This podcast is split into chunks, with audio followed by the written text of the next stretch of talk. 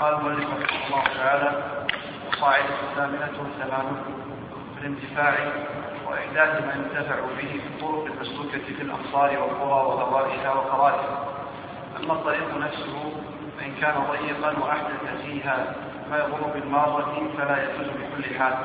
وأما مع الشيعة وارتفاع الضرر فإن كان المحدث فيها متأبدا كالبناء فإن كان المحدث فيها متأبدا كالبناء والضرار فإن كان المنفعة خاصة لآحاد الناس لم تجوز على المعروف من المذهب وإن كان لمنفعة منفعة عامة خلاف المعروف منهم من يطلقه ومنهم من يخصه بحالة جد الإمام فيها وإن كان غير متأبد ونفعه خاص كالجلوس وإيقاف الدابة ففيه خلاف الإيضاح وأما القرار الباطل فحكمه حكم الظاهر على المنصوص. وأما الهواء فإن كان الانتفاع به خاصا بدون إذن الإمام فالمعروف منع وبإذنه فيه خلاف ويندرج تحت ذلك مسائل كثيرة. منها حق البدع في الأسواق وبناء المساجد وغيرها واختصاص الفلوس في محل واحد والحفر في الطريق وإشراع الأجنحة والسباطات والخشب والحجارة في الجدار إلى الطريق. بسم الله الرحمن الرحيم. تقدم لنا من القواعد ما يتعلق بالنمى وذكر المؤلف رحمه الله تعالى قاعدة تتعلق بالنماء المتصل وكذلك أيضا قاعدة تتعلق بالنماء المنفصل وما يندرج تحت ذلك من أقسام. وكذلك أيضا سبق لنا قاعدة في الحمل وكذلك أيضا قاعدة في الحقوق وأنواعها وقاعدة أخرى في الأملاك وأنواعها. وكذلك أيضا ذكر المؤلف رحمه الله تعالى قاعدة فيما يتعلق بالأملاك والحقوق وما يقبل النقل منها والمعاوضة وما لا يقبل النقل والمعاوضة. ثم بعد ذلك قال المؤلف رحمه الله تعالى في بدء درس اليوم القاعدة الثامنة والثمانون في الانتفاع وإحداث ما ينتفع به في الطرق المسلوكة في الأمصار والقرى وهوائها وقرارها. هذه القاعدة في الانتفاع والتصرف في الطرق العامة. هذه القاعدة تتعلق في الانتفاع والتصرف في الطرق العامة. والآن ما يتعلق بالانتفاع والتصرف في الطرق العامة ما يتعلق بهذه الأمور مرجعها إلى البلديات. فشؤون البلديات هي التي تنظم مثل هذه الأشياء. وما الذي يجوز أن ينتفع به ومن الطريق ويتصرف فيه؟ وما الذي لا يجوز؟ وعلى كل حال فنقول بأن الانتفاع والتصرف في الطرق العامة ينقسم إلى أقسام كما أورد المؤلف رحمه الله تعالى في هذه القاعدة. القسم الأول الطرق الضيقة. يعني القسم الأول الطرق الضيقة. فهذا لا يجوز إحداث شيء فيها ولو بإذن الإمام. فنقول القسم الأول ما يتعلق بالطرق الضيقة. نقول هذه لا يجوز إحداث شيء فيها ولو بإذن الإمام.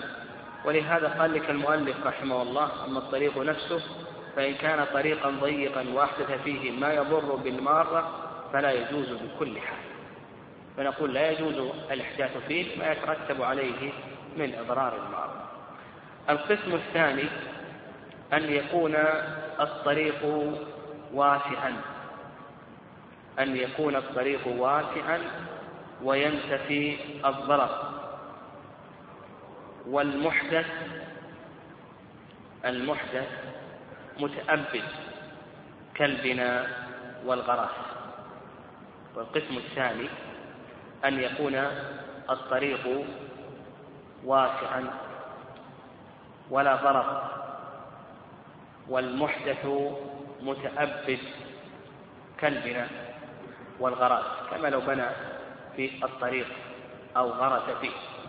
قال لك المؤلف إن كان لمنفعة خاصة لأحد الناس لم تجز المعروف من المذهب يعني والآن الطريق واسع ولا ضرر والتصرف متأبد. فقال لك إن كان لمنفعة خاصة كما لو بنى لنفسه ولنفرض أنه بنى دكة في الطريق لكي يجلس عليها. فيقول لك المؤلف رحمه الله تعالى لا يجوز. وإن كان لمنفعة عامة ففيه خلاف. والأقرب في ذلك أنه راجح إلى إذن الإمام إن كان لمنفعة عامة. وش مثل المنفعة العامة؟ مثل بناء المساجد. مثل لو بنى في الطريق الواسع بنى مسجدا لكي يصلي فيه الناس. فهذا يقول لك المؤلف رحمه الله هذا موضع خلاف.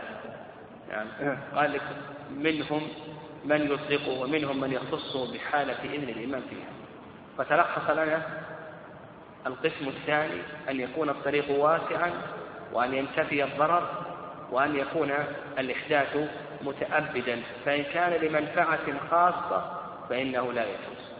وإن كان لمنفعة عامة فهذا يقول لك المؤلف رحمه الله بأن هذا موضع خلاف بين أهل العلم. منفعة خاصة كما ذكرنا لو غرس لنفسه أو بنى لنفسه ومنفعة عامة لو غرس لعموم المسلمين أو بنى لعموم المسلمين إلى آخره. قال وإن كان غير متأبد ونفسه خاص كالجلوس وإيقاف الدابة ففيه خلاف أيضا. هذا القسم الثالث. القسم الثالث أن يكون الطريق واسعا ولا ضرر. وأن يتصرف تصرفا غير مؤبد. أن يتصرف تصرفا غير مؤبد. فإن كان النفس عاما فهذا جائز.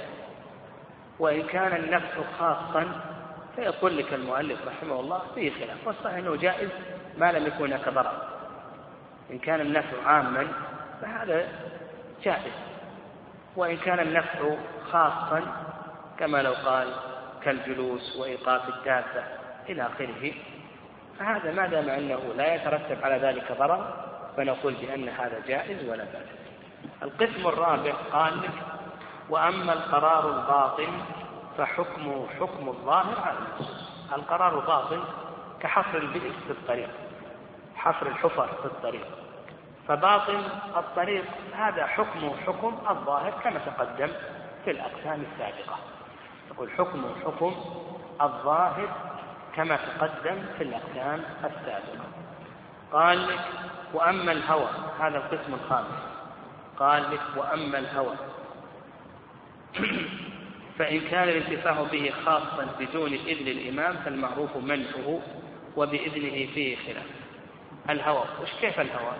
كيف يتصرف في هواء الطريق؟ كيف ذلك؟ ها؟ ها؟ لا لا هو يتصرف بالطريق يتصرف بالطريق. ها؟ أي نعم.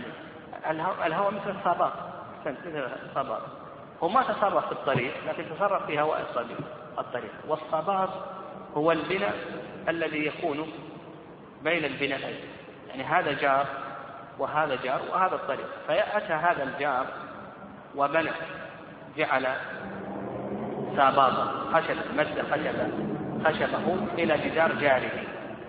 الآن تصرف في هواء الطريق. في هواء الطريق. فهل هذا جائز أو ليس جائز؟ ومثله أيضا إشراح الأجنحة إخراج الأجنحة. والمراد بالأجنحة ماذا؟ البلكون ما يسمى عندنا بالبلكون يعني يخرج أطراف الخشب أو أطراف الآن الصب ويستفيد من هواء الطريق. هذا بالنسبة لهواء الطريق. فهل يجوز هذا التصرف في هواء الطريق أو نقول بأن هذا غير جائز؟ قال لك المؤلف رحمه الله إن كان انتفاع به خاصة. يعني هذه الأجنحة والسابطات هذه خاصة. يعني فيقول لك بدون إذن الإمام هذا ممنوع. وبإذنه فيه خلاف. والصحيح أنه راجع إلى إذن الإمام وأما إن كان عاما هذا إذا كان خاصا. وأما إذا كان عاما لمنفعة المسلمين مثلا جعل مظلة لمنفعة الناس وليس لمنفعته الخاصة إلى آخره فنقول بأن هذا جائز ولا بأس به لأن المقصود بذلك هو مصلحة ثم ذكر المؤلف رحمه الله الصور وسبق الإشارة إليها في هذه الأقسام. فتلخص لنا أن التصرف في الطرقات العامة التصرف فيها والانتفاع بها أنه ينقسم إلى هذه الأقسام الخمسة. أن يكون الطريق ضيقا أن يكون الطريق واسعا والتصرف مؤبدا. فهذا إما أن يكون عاما وإما أن يكون خاصا. أن يكون الطريق واسعا والتصرف غير مؤبد إما أن يكون عاما وإما أن يكون خاصا. التصرف في باطن الطريق التصرف في هواء الطريق. نعم. قال رحمه الله القاعدة التاسعة والثمانون. قال أسباب الضمان ثلاثة عقد ويد وإتلاف. أما عقود الضمان فقد سبق ذكر. هذه القاعدة هذه القاعدة المؤلف رحمه الله تعالى أورد هذه القاعدة في بيان في بيان أسباب الضمان. يعني ما هي الأسباب التي يضمن بها؟ وذكر أن أسباب الضمان ثلاثة عقد وكذلك أيضا يد وكذلك أيضا إتلاف. أما العقد فهذا صوره كثيرة. يعني صور مثل وش مثل العقد مثل ها؟ طيب زين. عقد البيت. صح عقد البيت. إذا باع ما يحتاج إلى توفية كالمكيل والموزون والمعدود والمذروع فهذا الضمان على البائع ما دام أن المشتري لم يقبض. لكن إذا قبضه المشتري الضمان يكون ها؟ المشتري ومن الأمثلة على ذلك عقد العارية فعقد العارية المشهور من المذهب ها؟ أن العارية هل هي أمانة أو مضمونة؟ المشهور من المذهب أنها مضمونة. فإذا عقد على هذه العارية فالعارية مضمونة. هذا القسم الأول عقد. القسم الثاني يد. ومن أمثلة ذلك يد الغاصب.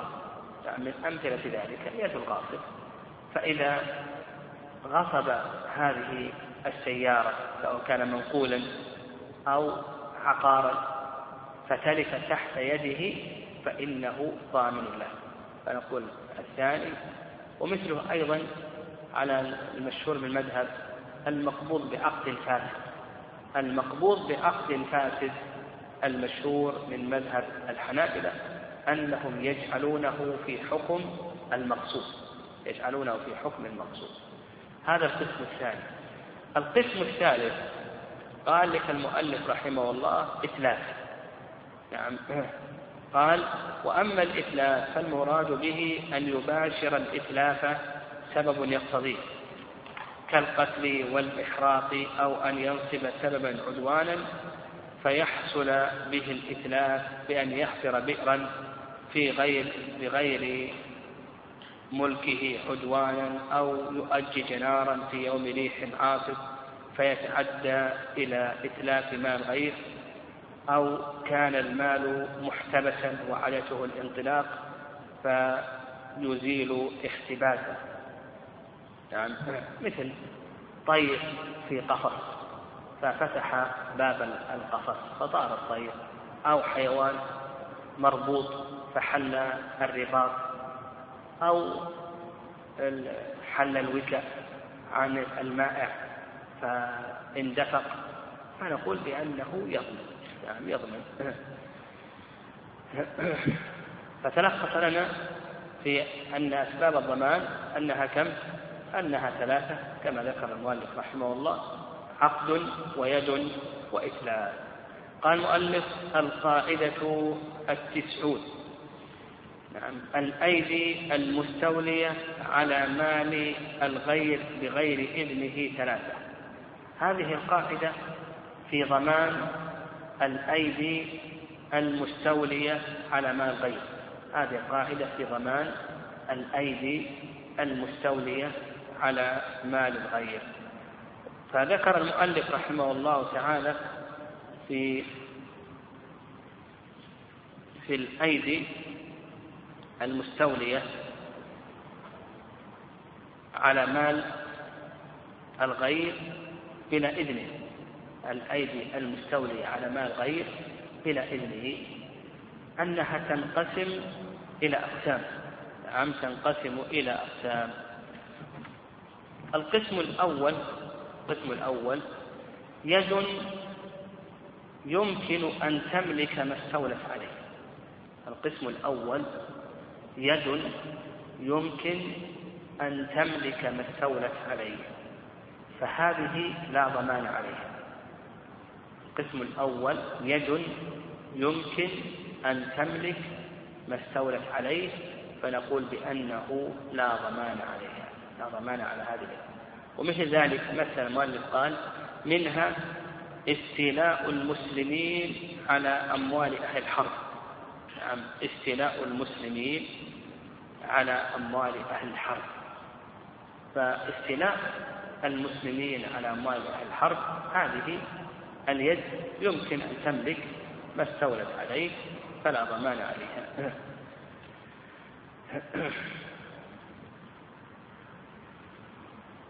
القسم الثاني أن يقبض المال بغير إذن مالكه. نعم أن يقبض المال بغير إذن مالكه لكن بولاية شرعية أو لمصلحته. نعم لكن بولاية شرعية أو بمصلحته. ومن الأمثلة على ذلك نعم من الأمثلة على ذلك وقبض المال بلا نعم قبض المال بغير إذن مالكه قبض المال بغير إذن مالكه. بولاية شرعية أو لمصلحته قال المؤلف رحمه الله وأما اليد الثانية فيدخل تحتها سوى. من له ولاية شرعية في القبض ومن قبض المال لحفظ المال من له ولاية شرعية في القبض كولي اليتيم. ولي اليتيم اليتيم لا أذن له في القبض نعم اليتيم لم يأذن له في القبض لكن قبضه بولاية شرعية. فأصبح عندنا القسم الثاني قبض المال بغير إذن مالكه لكن بولاية شرعية أو لحفظه على المال. نعم لحفظه على المال.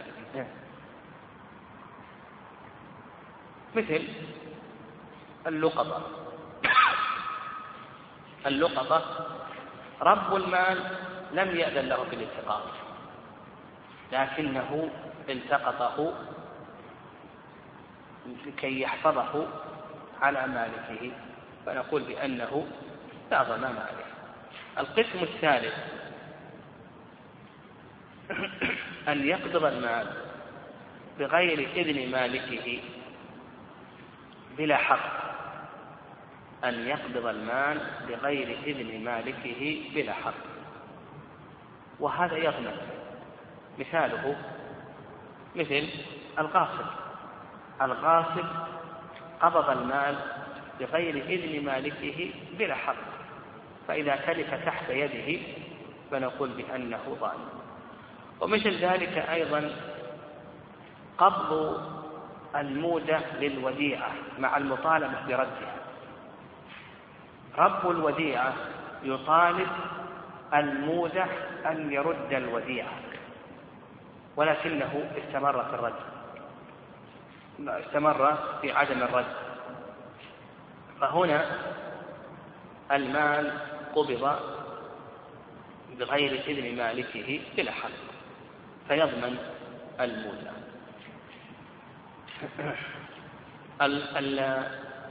القسم الرابع والأخير نعم القسم الرابع والأخير قال المؤلف رحمه الله يد لا يثبت لها الملك ويثبت عليها الضمان وذلك كالعرية نعم يد نعم يد لا يثبت لها الملك ويثبت عليها الضمان. وهذا كالعارية. فالعارية هذه ضامنة على المذهب. وليس لها الملك. يعني ليس لها أن تنتفع بالعين المعارة ليس لها يعني لا تملك. يعني لا يباح لها الانتفاع إلى آخره ويثبت عليها الضمان. لكن بالنسبة للعارية في الحقيقة ولهذا قال لك وأما اليد الثالثة فهي يد العارية التي يترتب عليها الضمان. والحقيقة أن العارية هنا قبض المال بإذن المالك قبض المال بإذن المالك لكن المؤلف رحمه الله أورد هذه أورد هذا القسم. فتلخص لنا في ضمان الأيدي المستولي على مال غير أنها تنقسم إلى أقسام. القسم الأول يد يمكن أن تملك ما استولت عليه. نعم فهذه لا ضمان عليها. قلنا نعم استيلاء المسلمين على أموال الحرب إلى آخره وأيضا استيلاء الأب على مال الابن إلى آخره. هذا يمكن أنه يملك. وكذلك أيضا القسم الثاني من قبض المال بغير إذن مالكه لكن بولاية شرعية أو لمصلحته فهذا لا ضمان عليه. والقسم الرابع من قبض القسم الثالث من قبض المال بغير إذن مالكه بلا حق وهذا كالغاصب هذا نقول بأنه يضمن. وذكر المؤلف رحمه الله يدا رابعة وهي اليد التي لا يثبت لها الملك ويثبت عليها الضمان قال المؤلف رحمه الله تعالى القاعدة الحادية والتسعون. القاعدة الحادية والتسعون. قال يضمن بالعقد وباليد الأموال المحضة. يضمن بالعقد وباليد الأموال المحضة المنقولة إذا وجد فيها النقد فأما غير المنقول فالمشهور عند الأصحاب أنه يضمن بالعقد وباليد. أيضا كما يضمن في غير عقود التمليكات بالاتفاق وأما غير الأموال المحضة إلى آخره. قوله الأموال المحضة والأموال غير المحضة. ما المراد بالأموال المحضة؟ والمراد بالأموال غير المحضة.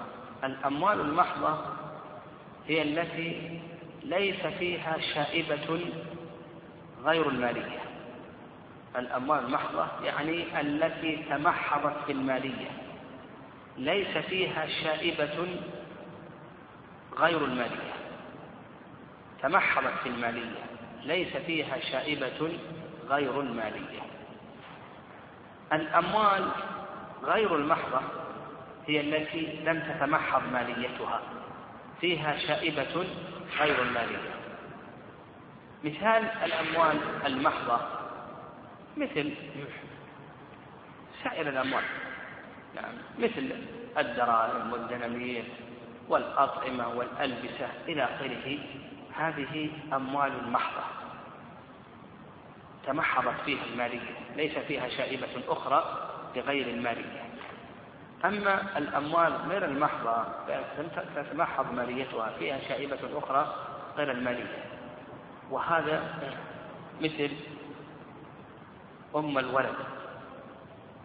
أم الولد هي مال لكن مع ذلك ما تمحضت المالية. لماذا؟ لأنه انعقد فيها سبب التحرير. لما ولدت الآن ها أصبحت الآن مستحقة لأي شيء للتحرير لأن مجرد أن يموت السيف تكون حرة. ف ليست مالا محضا ولهذا جمهور العلماء على أنها لا تباع فهي تعتق بموت سيدها. أيضا المكاتب المكاتب أيضا انعقد سبب التحرير فيه ولما الآن اشترى سيد اشترى نفسه من سيده لم تتمحض مالية لانعقاد سبب التحرير أيضا المدبر الذي علق عتقه بموت السيد إلى آخره. هذا وإن كان رقيقا وإن كان مالا إلا أن هذه المالية لم تتمحض. لماذا؟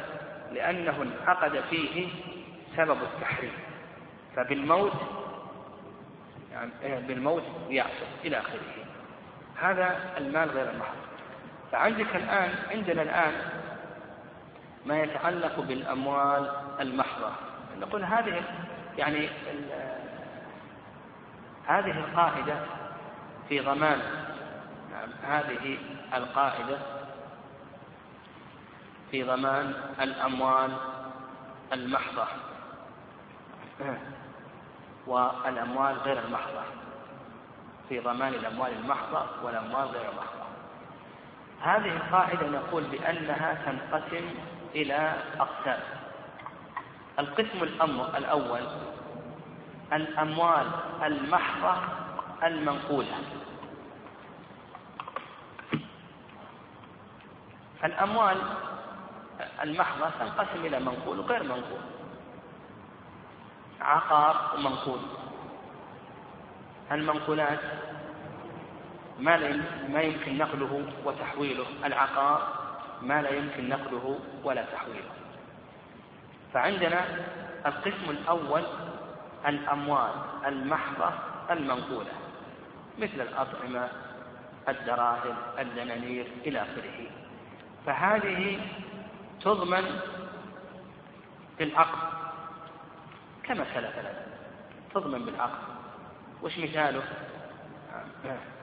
مثاله كالعارية تضمن بالعقد ومثاله أيضا كما لو اشترى شيئا يحتاج إلى توفية فضمانه على من؟ ها؟ الذي يحتاج إلى توفية ضمانه على البائع كذلك أيضا لو اشترى شيئا ثم قبضه فالضمان على من؟ على المشتري بالعقد وباليد أيضا تضمن بالعقد وكذلك أيضا تضمن باليد.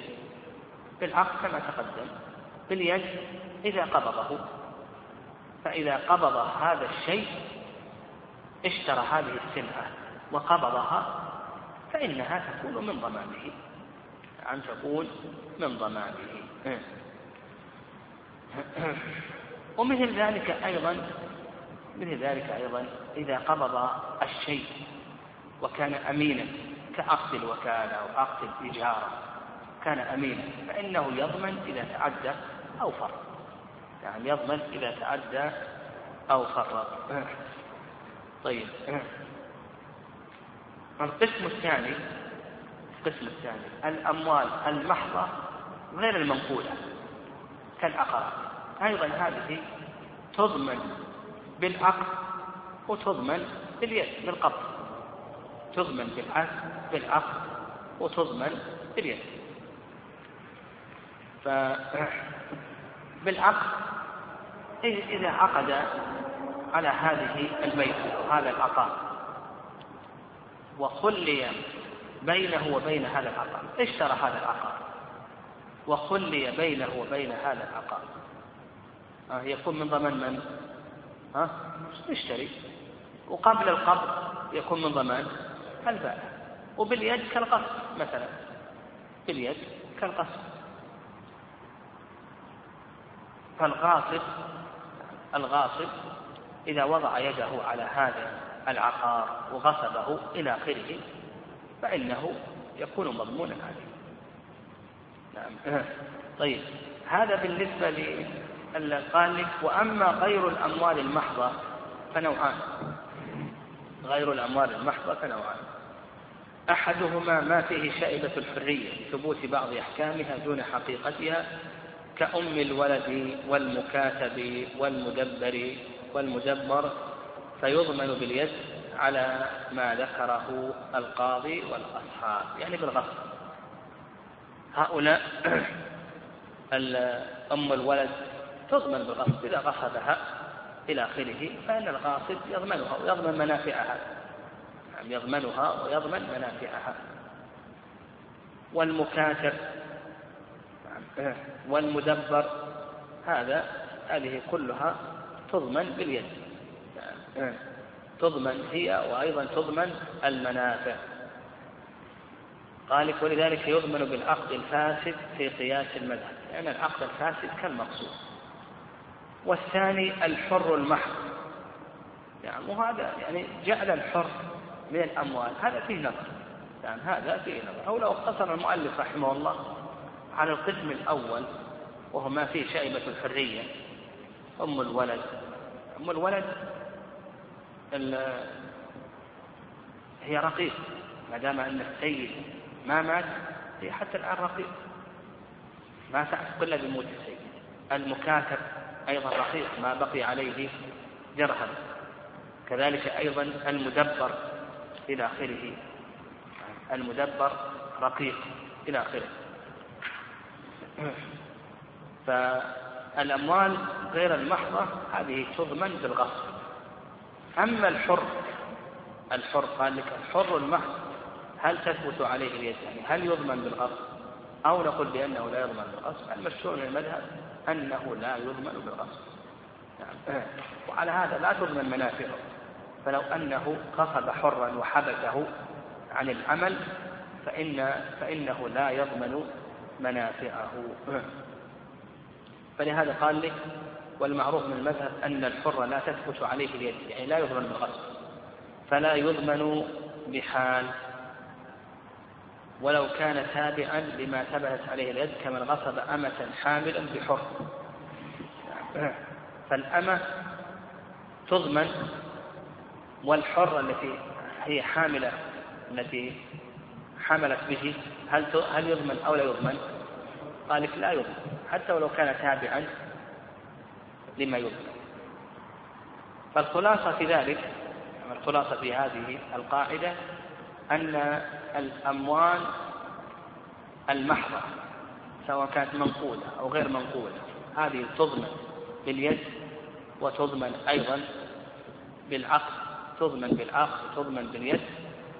وأما الأموال المحضة الأموال غير المحضة. أما الأموال غير المحضة فهذه تضمن باليد. نعم تضمن باليد أما العقد نعم.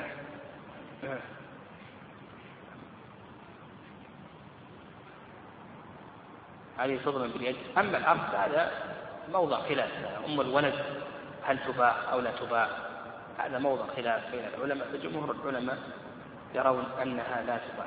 المدبر يصح أن يباع. يجوز بيعه. آه، المكاتب أيضا يصح بيعه. نعم.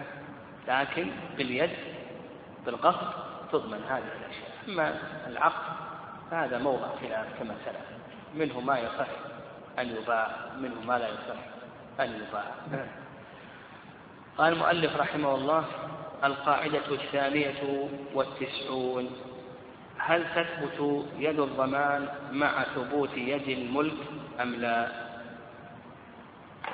هذه القاعدة معنى, معنى هذه القاعدة أن ثبوت يد المالك على ماله لا ينافي ثبوت يد الضمان. نقول هذه القاعدة أن ثبوت يد المالك على ماله لا ينافي ثبوت الضمان. لا ينافي ثبوت الضمان. وش معنى ذلك؟ معنى ذلك لو كان الشخص يده على ماله. ثم جاء آخر وغصب هذا المال. مثلا رجل راكب سيارته ثم جاء شخص واستولى على هذه السيارة ومالكها راكب فيها. فهل نقول بأن هذا غصب بحيث أن الغاصب يضمن لو تلفت؟ أو نقول بأن هذا ليس غصبا واضح؟ الآن يد المالك على مالك. نعم يد المالك على ماله الغاصب جاء ووضع يده عليه. هل يشترط لكي يكون غاصب انتفاء يد المالك؟ أو أن نقول بأن هذا ليس شرطا. أنه يكون غاصبا حتى ولو كانت يد المالك على ماله.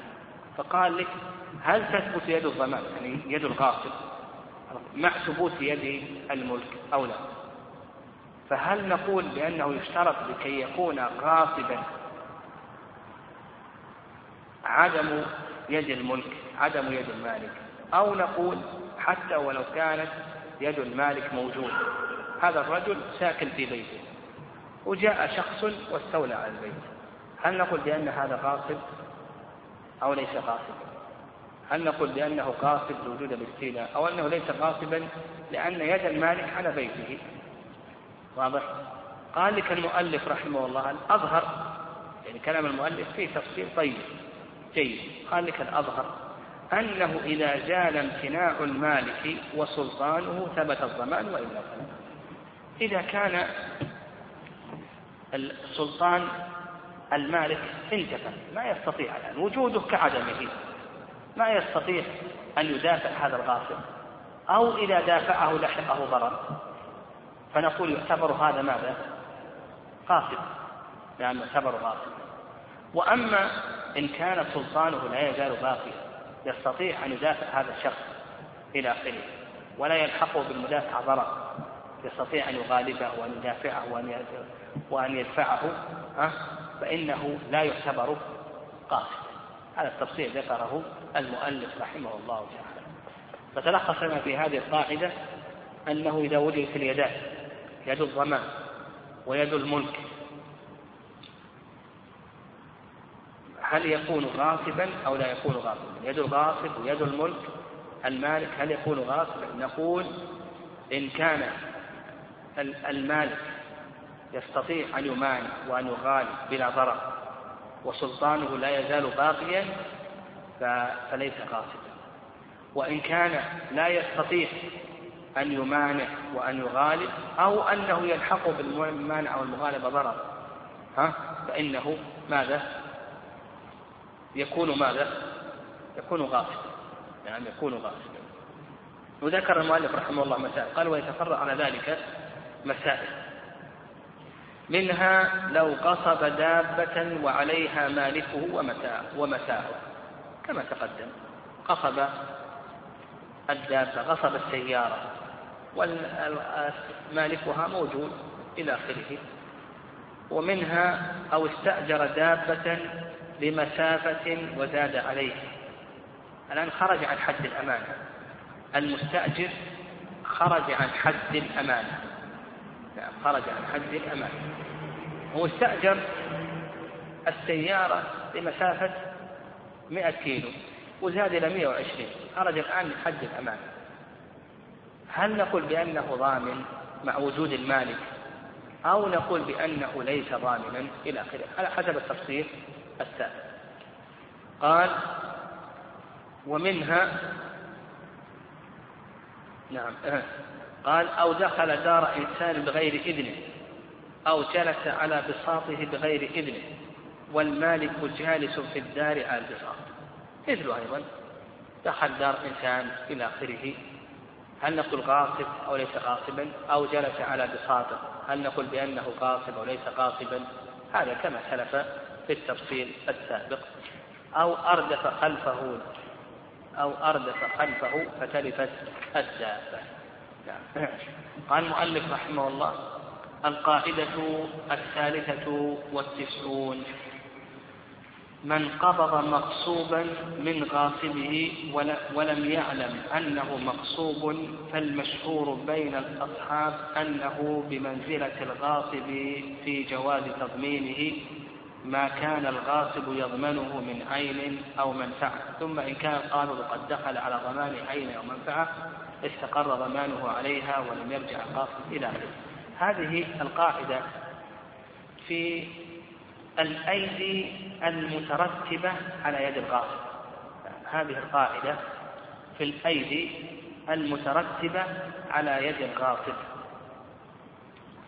والعلماء رحمهم الله يقولون بأن الأيدي المترتبة على يد الغاصب كم؟ عشر. عشر أيدي.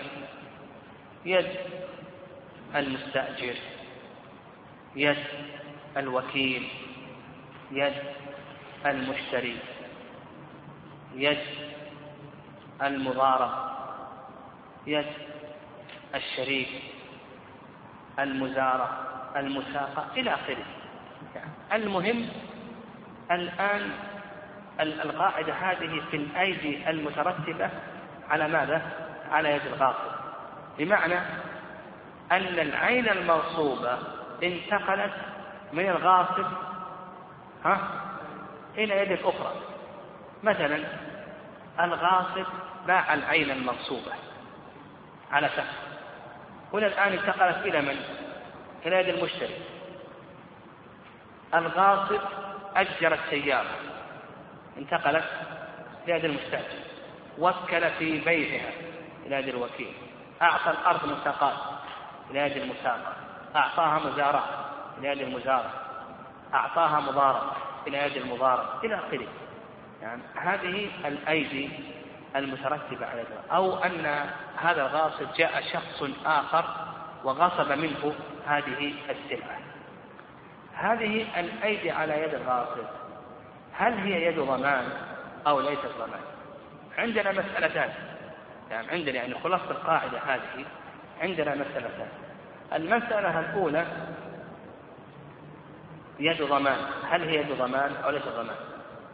المسألة الثانية قرار الضمان على من؟ نعم. نقول المسألة الأولى هل هي يد ضمان أو ليست يد ضمان؟ المسألة الثانية قرار الضمان على من؟ إذا تلفت هذه العين المغصوبة تحت أيديه يعني هذه الأيدي العشر قبضت العين المغصوبة ثم تلفت.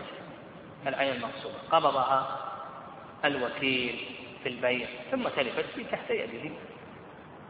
لو ردها وتلفت هذه الغاصب انتهى أمره لكن الآن تلفت تحت يده. تحت يد المضارب المستأجر المشتري إلى آخره. الغاصب إلى آخره. إذا تلفت العين المغصوبة تحت هذه الأيدي تحت اليد التي انتقلت إليها. فعندنا كما قلنا مسألتان المسألة الأولى ها مسألة الضمان. والمسألة الثانية مسألة ماذا؟ قرار الضمان.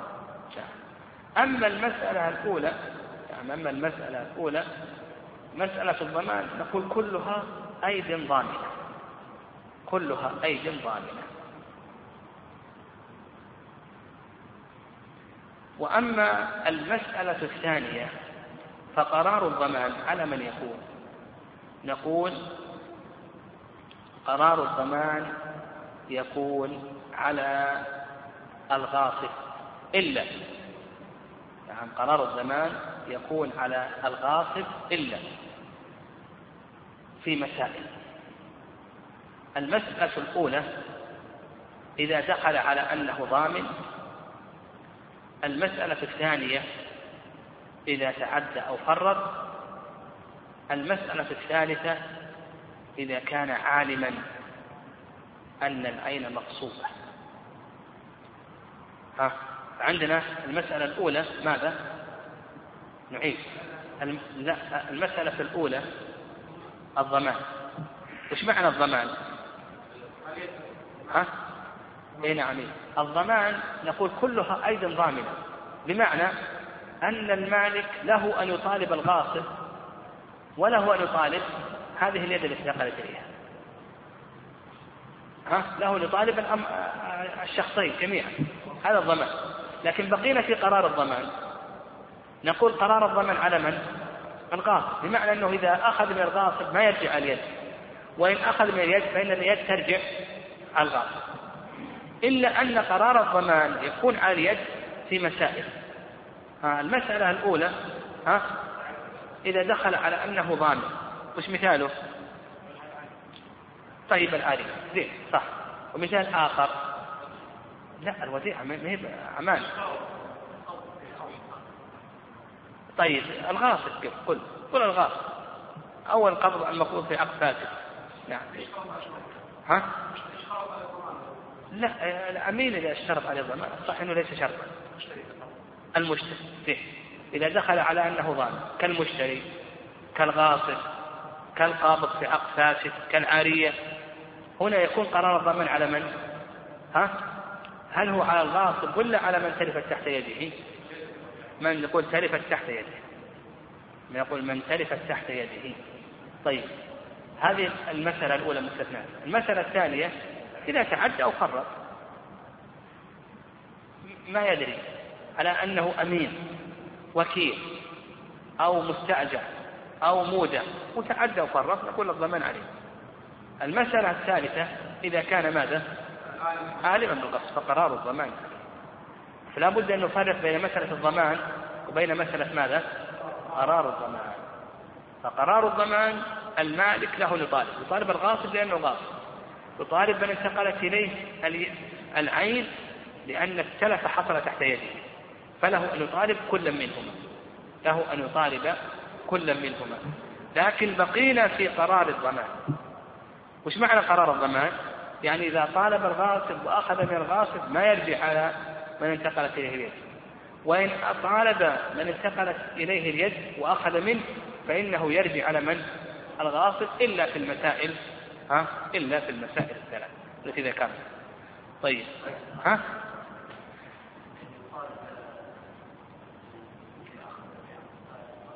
اي نعم.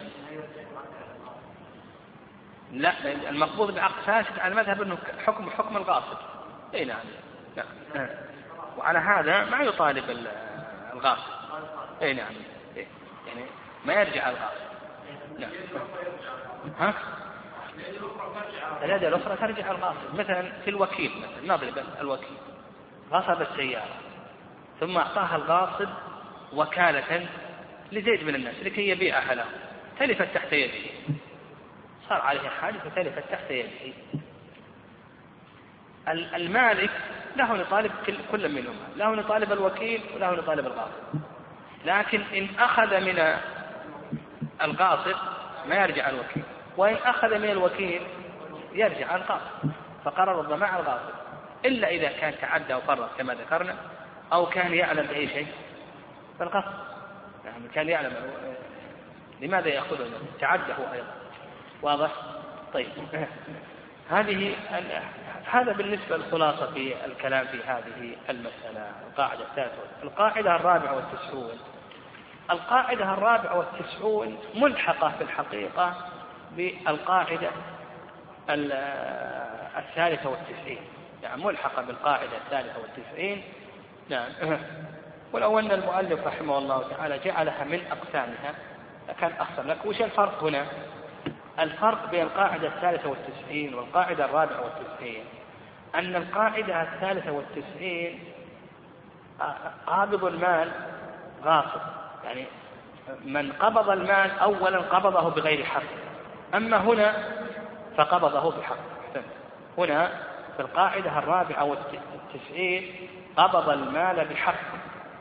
مثلا الوكيل المستأجر المودع قبضه بحق. ثم بعد ذلك انتقلت نقل المال من يده إلى يد أخرى.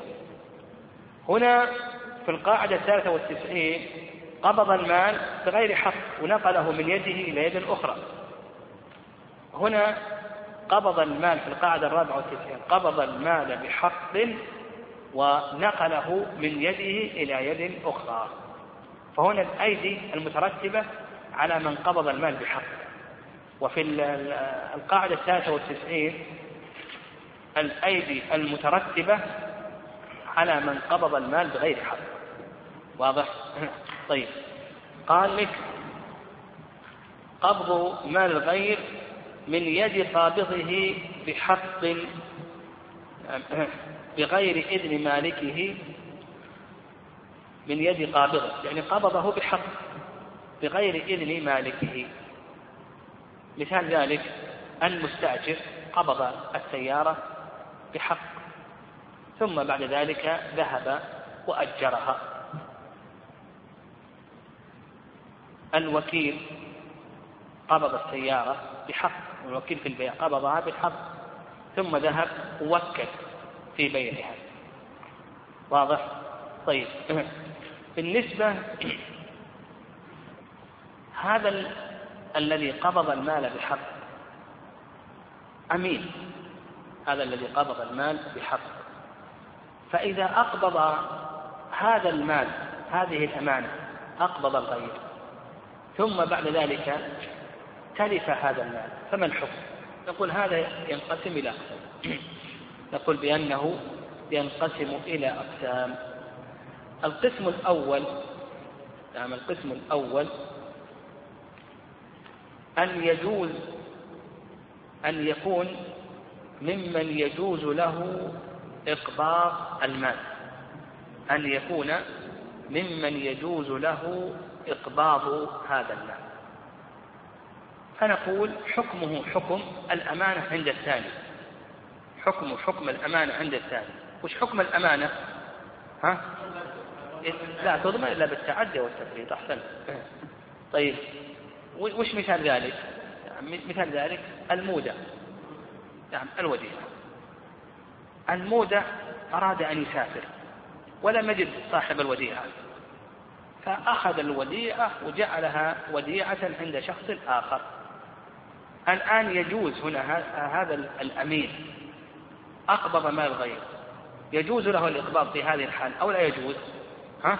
يجوز لأنه يخشى عليه. لو سافر بها عرضة للتلف في السفر. يعني في السفر عرضة في التلف. فهنا نقول إذا أقبض المال في حال يجوز له إقباضه. فالثاني يكون ماذا؟ ها؟ يكون أمينا. نعم الثاني يكون أمينا. حكمه لا ضمان عليه إلا مع التعدي أو التفريط وهذا كما ذكرنا نعم كما ذكرنا المودع. المودع إذا أراد السفر وخشي على الوديعة ولم يجد صاحبها فإنه لا يسافر بها بل يودعها عند ثقة كما فعل النبي صلى الله عليه وسلم. طيب.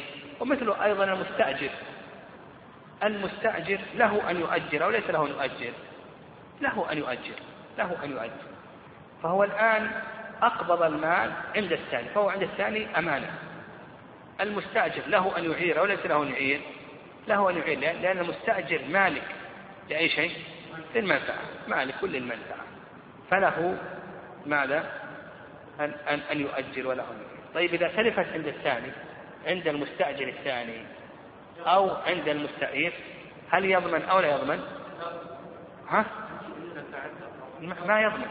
أمين أمين كيف يضمن؟ إلا إذا تعدى أو فرط يقول بأنه لا يضمن إلا إذا تعدى أو فرط هذا القسم الأول. يعني القسم الأول أن أن يجوز له نقل هذه الأمانة. فعند فتكون عند الثاني ماذا؟ أمانة بحكم الأمانة. طيب يعني يأخذ حكمه. طيب القسم الثاني عكس هذا القسم. ألا يجوز ألا يجوز ألا يجوز له نقل هذه الأمانة. ونقلها نعم المودع أودع الوديعة بغير حاجة. واضح؟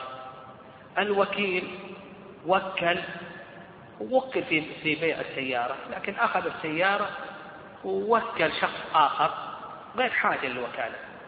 نعم آه. ما في دليل على أنه يوكل إلى آخره. فهنا الآن هل يجوز له النقل في هذه الحالة أو أو لا نقول أو نقول بأنه لا يجوز؟ ها؟ نقول بأنه لا يجوز. طيب الآن تلفت عند الثاني. وعلى هذا الأمثلة كثيرة لكن نحن مثلنا. نعم مثلنا. مثلا آه، المودع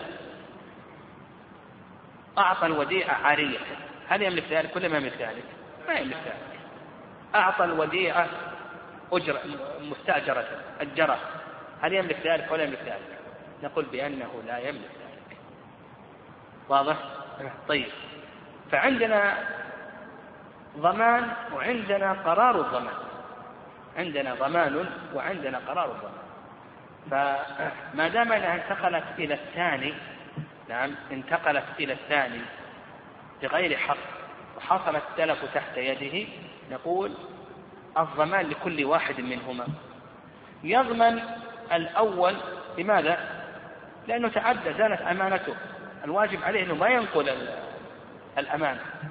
لما تصرف هذا التصرف زالت أمانته أو لم تزل أو لم تزل أمانته نقول بأن أمانته زالت فيضمن الأول والثاني أيضا نقول بأنه يضمن كل منهما يضمن الأول والثاني لا لا ها؟ لا المقصود بالضمان هنا له أن يطالب كل منهم بقينا الآن في قرار الضمان واضح؟ فعندنا الضمان لكل واحد منهما وش معنى الضمان لكل واحد منهما؟ المقصود أنه يطالب من شاء منه. يطالب الأول يطالب الثاني. له أن يطالب كل منهم. فمثلا هذا المودة أجر الوديعة نقول ما تملك أن تؤجر الوديعة تلفت تحت عند المستأجر. تقول للمالك أنت الطالب الأول المودة ولك أن تطالب الثاني. تطالب الأول لأنه تعدى تطالب الثاني لأن التلف حصل تحت يده. فلك أن تطالب كل منهما. هذا بالنسبة للضمان. طيب بقينا في قرار الضمان. على من يكون قرار الضمان. نقول قرار الضمان على الأول إلا في مسائل. يعني قرار الضمان على الأول إلا في مسائل. المسألة الأولى المسألة الأولى كما تقدم في الغاصب. أيوة إذا دخل على أنه ضامن. نعم كالمشتري. المسألة الثانية إذا تعدى أو فرط. المسألة الثالثة إذا علم. إذا علم أنه ليس له الحق في نقلها من يده. واضح؟ ففي هذه الحالة يكون قرار الضمن على من؟ ها؟ على الثاني. نعم. واضح المسألة؟ أو ليست بواضحة؟ واضحة طيب. القسم الثالث والأخير. نعم. القسم الثالث والأخير إذا قبض المال ممن زالت أمانته. قبض المال ممن زالت أمانته. فحكمها حكم كما سلف. لكن الفرق بين هذا القسم والقسم الذي قبله القسم الذي قبله ما زالت أمانته إلا بالعقد مع الثاني. وفي هذا القسم زالت أمانته قبل العقد. ولنفرض المودة مثلا. أودعناه السيارة. أخذ السيارة وبدأ يتصرف فيها. يذهب ويجي. هنا زالت أمانته. الفقهاء يقولون نعم هو ضامن زالت أمانته. لكن لو تاب وأرجعها هل تعود الأمانة؟ أو لابد من عقد جديد. ها؟ الفقهاء يقول لابد عقد جديد. لابد عقد جديد. يعني واضح؟ فهنا الآن زالت أمانته. وأيضا أضف إلى ذلك أنه تعدى في نقلها إلى آخر. لا لا يحل له أن ينقلها. فحكمه نعم حكم كما سلف. نعم حكم كما سلف. طيب. وذكر المؤلف رحمه الله الصور قال مودع مودع المودع والمستأجر من المستأجر ومضارب ومضارب المضارب. ووكيل الوكيل والمستعير المستعير إلى آخره. طيب القاعدة الخامسة والتسعون من أتلف مال غيره وهو يظن أنه له أو تصرف فيه يظن لنفسه ولاية عليه ثم تبين خطأ ظنه فإن كان مستندا إلى سبب ظاهر من غيره ثم تبين خطأ المتسبب أو أقر بتعمده الجناية ضمن متسبب إلى آخره. هذه القاعدة في إتلاف مال الغير هذه القاعدة في إتلاف مال الغير وذكر المؤلف رحمه الله يعني خلاصة هذه القاعدة يعني لما قرأت هذه القاعدة خلاصة هذه القاعدة أن فيها ثلاث أقسام. يعني أن تحتها ثلاث أقسام. القسم الأول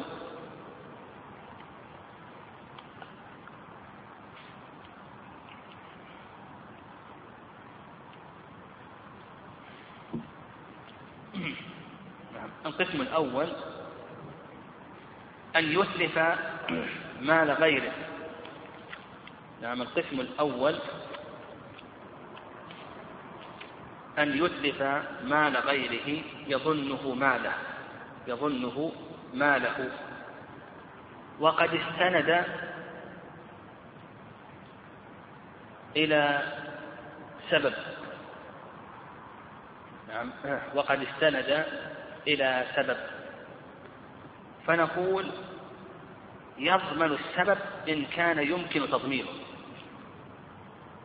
وإن كان ما يمكن تضمين السبب يضمن من؟ المتلف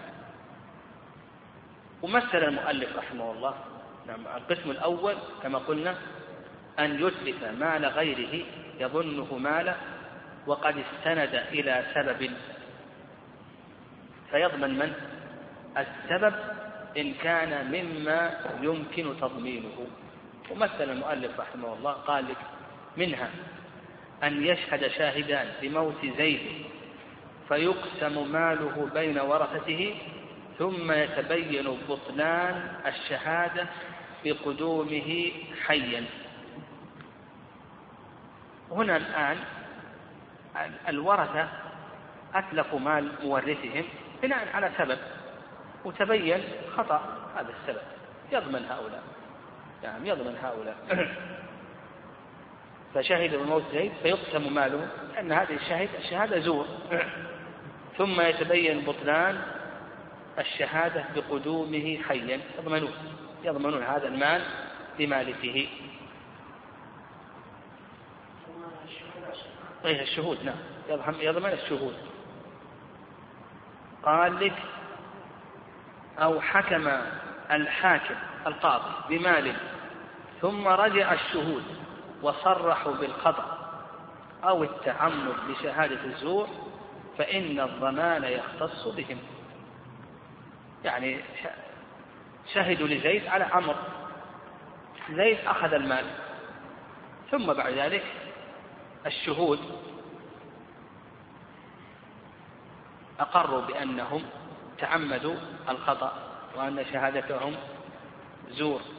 نعم. فالضمان يكون على من؟ ها؟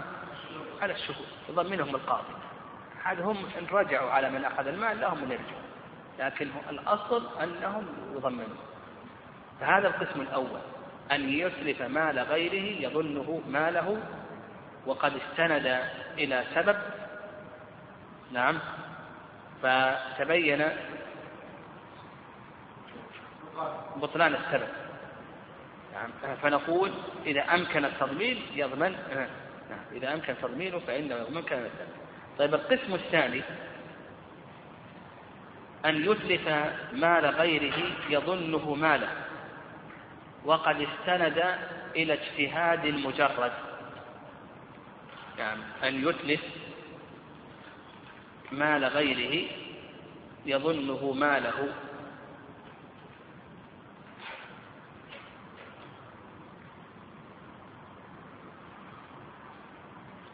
وقد استند إلى اجتهاد مجرد.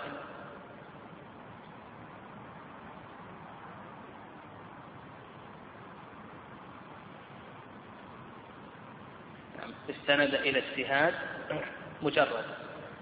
قال لك المؤلف وإن كان مستندا إلى اجتهاد مجرد كمن دفع مالا تحت يده إلى من يظنه مستحقا ثم تبين الخطأ ففي ضمانه قولا نعم ففي ضمانه قولا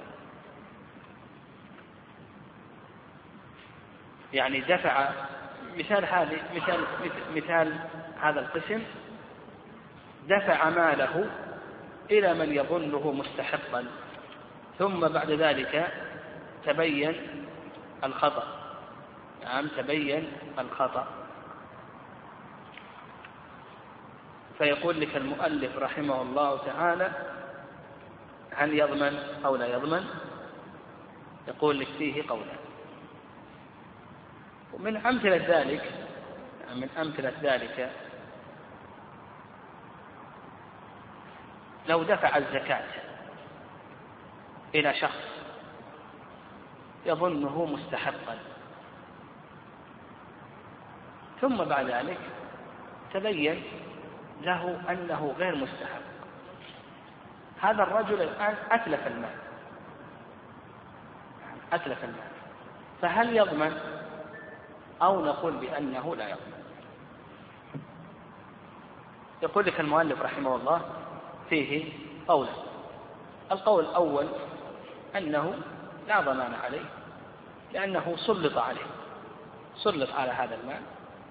والذي دفع الزكاة أيضا ماذا؟ ها؟ سقطت عنه لأنه متعبد بالظن ويدل ذلك حيث معنى بالزائدة والقول الثاني أنه يضمن لأنه في باطل الأمر غير مستحب. فيطالب بالضمان يعني يطالب بالضمان. واللي يظهر والله أعلم هو القول الأول أنه لا ضمان عليه. طيب. القسم الثالث أن يتصرف في مال غيره يظن أن له ول... نعم. يظنه له. أن يتصرف في مال غيره. يظنه له. لاعتماده على حكم نقض لاعتماده على حكم نقض فيضمن. فيضمن ما أتلفه من هذا المال. نعم لاعتماده على حكم نقض فإنه يضمن.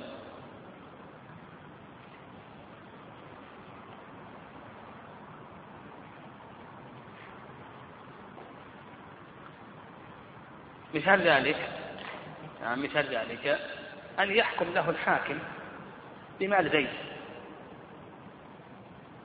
ثم بعد ذلك يتبين للحاكم أن الشهود كانوا زورا أو أنهم كانوا فساقا ونحو ذلك. فينقض الحكم. ينقض الحكم. هذا يظن أن المال له. يعني يظن أن المال له. واعتمد على هذا الظن. ثم بعد ذلك نقض. يضمن ولا ما يضمن؟ ها؟ نقول بأنه يضمن. نقول بأنه يضمن. في هذه الحال.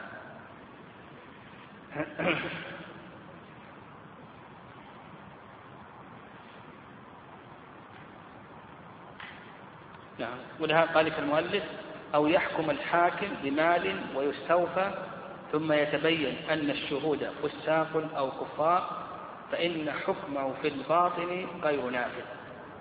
يعني المال لصاحبه وأما في الظاهر فهو نافذ. يعني في الظاهر له نافذ وهل يجب نقضه؟ المذهب وجوب نقضه.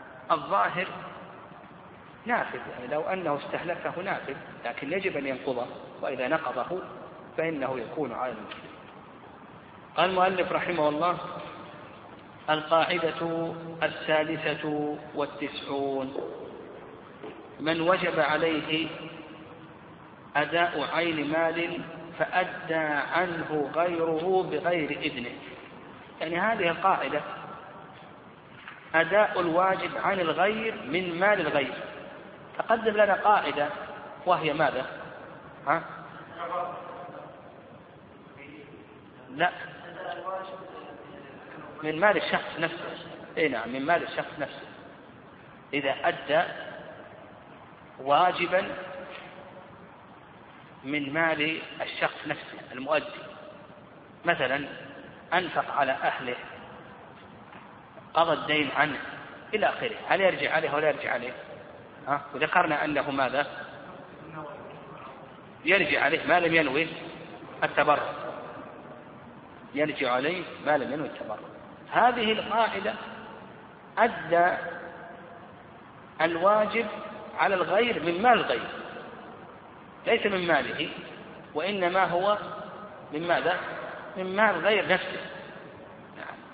لم يؤدي من ماله وإنما أدى من مال غير نفسه.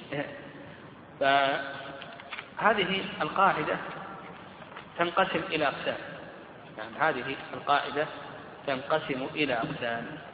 القسم الأول القسم الأول أن يكون له ولاية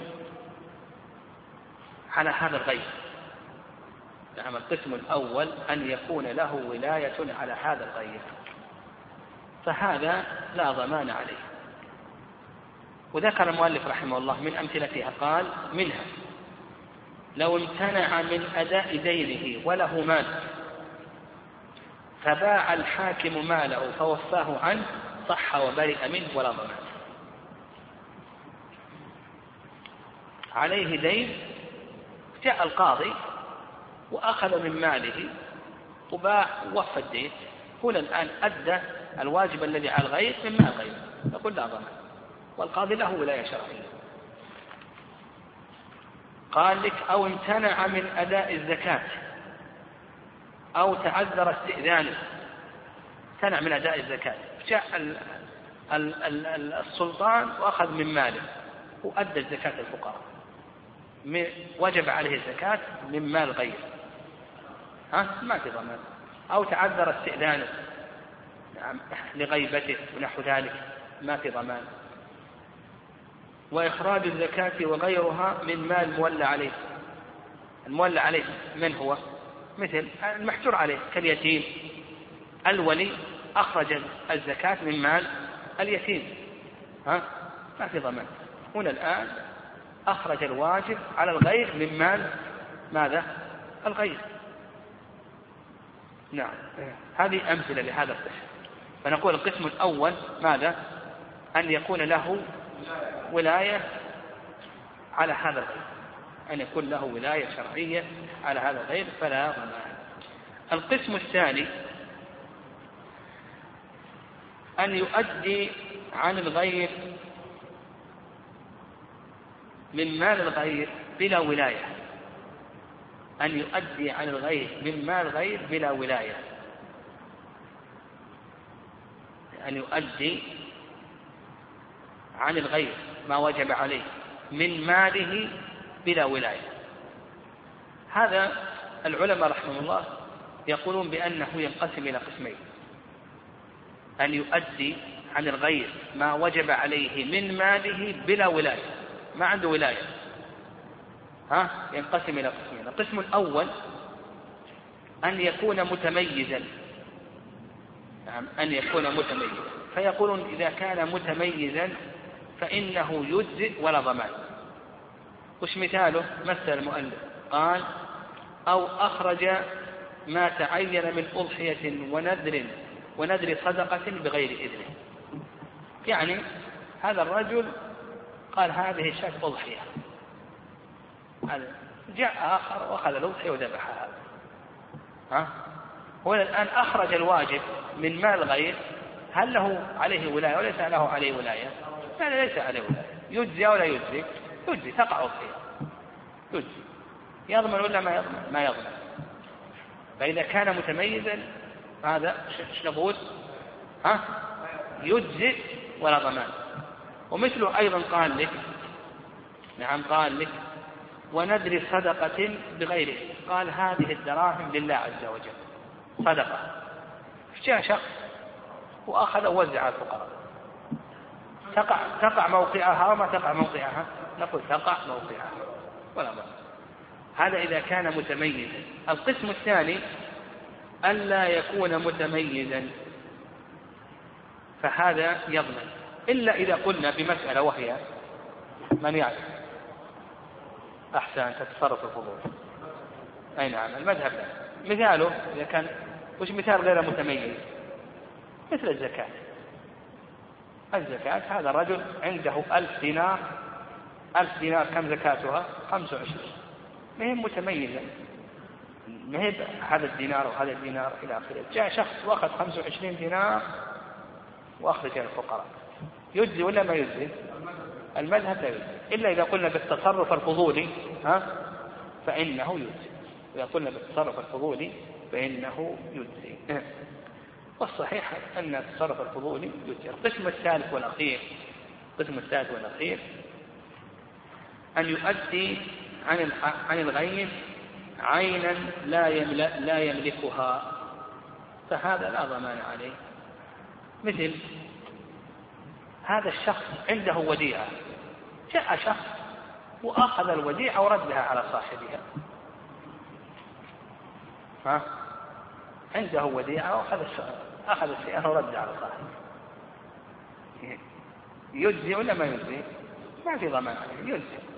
أو أنه عنده غصب غصب سيارة وأخذ السيارة المغصوبة ورد على صاحبه أو سرق سيارة أو كتاب. وأخذ الكتاب ورده على صاحبه. إيش نقول هنا؟ ها؟ يجزي. نعم يجزي. يعني يكون عنده مال يجب عليه أن يؤديه فيأتي الغير ويؤديه حج. يعني عنده أموال يجب عليه. القسم الثالث أن يؤدي عن الغير عينا يجب عليه أن يؤديها لكن ما أداها. عنده الوديعة وأخذها وأعطاها. الأموال المغصوبة الأموال المسروقة إلى آخره. قال لك المؤلف ثم ذكر المؤلف رحمه الله قال أن يكون الواجب أداؤه غير مملوك وأداء وأداه الغير إلى مستحقه. نعم. قال لك منها الغصوب والودائع و أو أرسل صيد المحرم. نعم هذا رجل محرم صيد جاء شخص وأرسل لأن المحرم يجب عليه أن يرسل الصيد. واضح؟ طيب نعم. إلى آخره. طيب القاعدة السابعة والتسعون نختم بها إن شاء الله قبل الصلاة. القاعدة السابعة والتسعون سهلة هذه القاعدة. وهذه القاعدة في التصرف في أموال الغائب. القاعدة السابعة والتسعون في التصرف في أموال الغائب. إذا كان عندنا شخص غائب انقطع خبره قطع خبره كما يوجد اليوم يوجد اليوم أناس يذهبون مع مع وجود وسائل اتصال اليوم إلا أنه الآن يوجد كثير من الناس خرج. ها؟ وغاب ما ندري عنه. هل هو حي أو ميت؟ وش حكم بالنسبة لأمواله تصرف في أمواله واضح؟ هذا ما أراد المؤلف رحمه الله. فنقول الغائب ينقسم إلى أقسام. الغائب ينقسم إلى أقسام. القسم الأول غائب يرجى قدومه. القسم الأول غائب يرجى قدومه. فهذا لا يجوز التصرف بماله إلا بإذن الحاكم القاضي. إلا الأشياء التافهة. الأشياء التافهة نعم. فهذه العلماء يقولون له لا بأس أن يتصدق بها عنه الأشياء التافهة لا بأس. ولهذا قال لي ولكنه غائب يرجى قدومه فليس له التصرف فيه بنادي الحاكم إلا أن يكون يسيرا تافها فله الصدقة عنه. طيب القسم الثاني غائب لا يرجى قدومه. ولا وارث له. فهذا يجوز التصرف في ماله نعم هذا يجوز التصرف في ماله.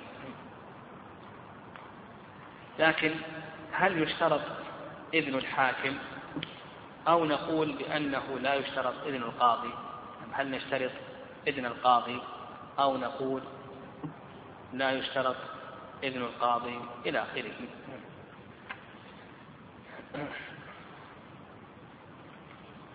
هذا موضع خلاف. نعم موضع خلاف بين العلم والصحيح في ذلك أنه لا بد من من القاضي لأن هذه مواضع اجتهاد. نعم هذه مواضع اجتهاد. وأما بالنسبة لزوجته هل تتزوج أو لا تتزوج فهذا قسمه العلماء رحمهم الله إلى قسمين. غالب فقده السلام وغالب فقده الهلاك. إذا كان غالب فقده السلامة نعم لا أربع سنوات.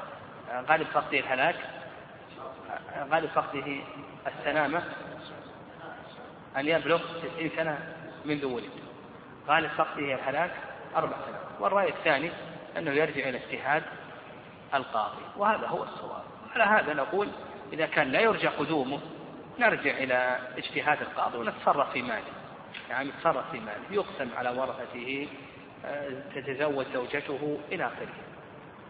القسم الثالث والأخير نعم أموال لا يعرف مالكها. نعم أموال لا يعرف مالكها. فهذه الأموال التي لا يعرف مالكها هذه يتصدق بها مضمونة له. يتصدق بها مضمونة له. مثلا عندنا غصوب. رجل غصب غصوبا ولا يعرف أصحابه أو سرق سرقات ولا يعرف أصحابه أو عنده ودائع ولا يعرف أصحابها أو ألقت إليه الرياح أموال شخص ولا يعرف أصحابها يتصدق بها. يتصدق بها. مضمونة له. متى جاء صاحبها ضمنها له. إما يعني يخيره. إما أن آه، يأذن في الصدقة ويكون له الأجر أو أنه يضمنها له. و نعم. وهل له أن يأكل منها إذا كان فقيرا؟ إذا تاب. مثلا غصب بصوب سرقات ونهب. أو عنده ودائع أو نحو ذلك أو عليه ديون ونسي أصحابه إلى آخره. هل له أن يأكل منها إذا كان محتاجا؟ نعم شيخ الإسلام يقول لا بأس. إذا تاب فإنه يأكل بقدر حاجته منها.